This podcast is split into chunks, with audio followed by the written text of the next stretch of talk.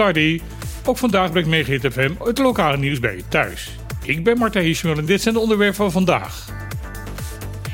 Hoe een politiek conflict kan escaleren tot een ordinaire dorpsruzie. Zo zou je de reactie van het bestuur van de politieke partij NPB op de aanval van de oppositiepartij MN21 wel kunnen omschrijven. Partij Movimento 21, bij monden van de partijleider Deze Koffie, heeft afgelopen maandag een scherpe uitval gedaan op gedeputeerde Hennis Tielman van de NPB.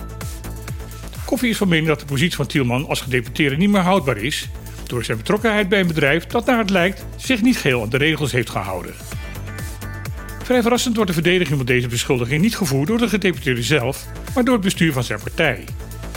In een openbare brief, die volgens ingewijden persoonlijk door de voormalige partijleider van het MPB, Elvis Tjensjoe, is geschreven, wordt de beschuldiging van MN21 weggezet als kinderachtig. Tjensjoe wordt in zijn brief heel persoonlijk en noemt deze koffie een zetelrover, omdat zij in de vorige bestuursperiode uit de NPB-fractie is gestapt en toen haar zetel heeft meegenomen. Verder schrijft Sjoerd de M21-voorvrouw als giftig, schijnheilig, hypocriet en huigelachtig. Ook hij de beschuldiging van M21 als lage en laffe aanvallen op de NPB-gedeputeerden. M21 en deze koffie hadden bij de samenstelling van dit bulletin nog niet gereageerd op deze uitval van de kant van de NPB. Afgelopen maand is een groep van 24 studenten in Bonaire begonnen aan de basispolitieopleiding op MBO 4-niveau. In de openingsceremonie werden ze onder andere toegesproken door korpschef Alwin Braaf en werden ze officieel beëdigd.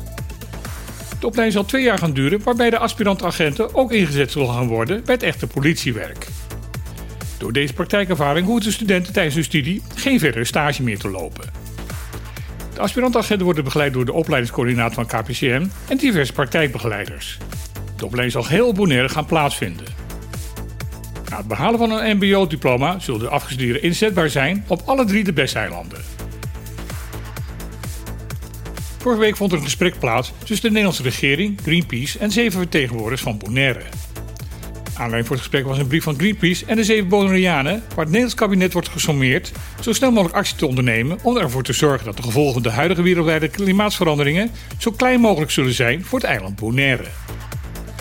Eerder onderzoek dat was uitgevoerd in opdracht van Greenpeace laat namelijk zien dat Bonaire ten gevolge van deze veranderingen binnen een aantal decennia voor 15% onder water zal komen te staan. Tijdens het gesprek waren namens de regering, staatssecretaris Alexander van Huffelen van Koninkrijksrelaties, minister Mark Harbers van Infrastructuur en Waterstaat en een topambtenaar van het ministerie van Economische Zaken en Klimaat aanwezig. Door deze vertegenwoordigers werd erkend dat er sprake is van een achterstand en dat de problematiek rond de klimaatcrisis zeer urgent is. En geldt daarom toe dat er nu echt actie moet komen. Toegezegd werd dat de KNMI dit najaar met klimaatscenario's voor Caribisch Nederland komt en dat er een klimaatstafel geïnstalleerd zal gaan worden.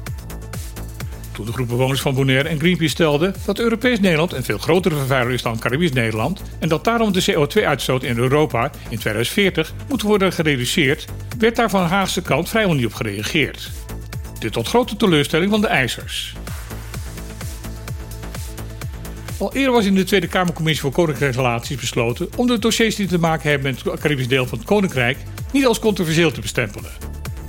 Toch probeert de VVD daar nu toch weer aan te tornen. In de discussie voor het instellen van een menswaardig sociaal minimuminkomen voor de Bes-eilanden stelde Rolien Kamminga van de VVD voor om het rapport van de commissie tot D hierover, wel in oktober te gaan bespreken, maar daar geen verdere besluiten over te nemen. Volgens haar moeten die besluiten namelijk genomen worden in een andere commissie, die van Sociale Zaken en Werkgelegenheid. Tweede Kamerlid voor D66 Jolien Wuiten zag erbij al hangen dat van uitstel afstel komt. Door extra Kamerleden voor D66 op te trommelen voor een stemming, is ze gedaan te krijgen dat er nu toch een commissievergadering gaat komen op het sociaal minimum waar ook besluiten genomen gaan worden.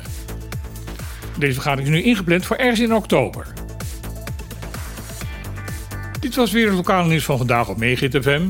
Ik wens iedereen nog een stemmige dag toe en dan heel graag weer tot morgen.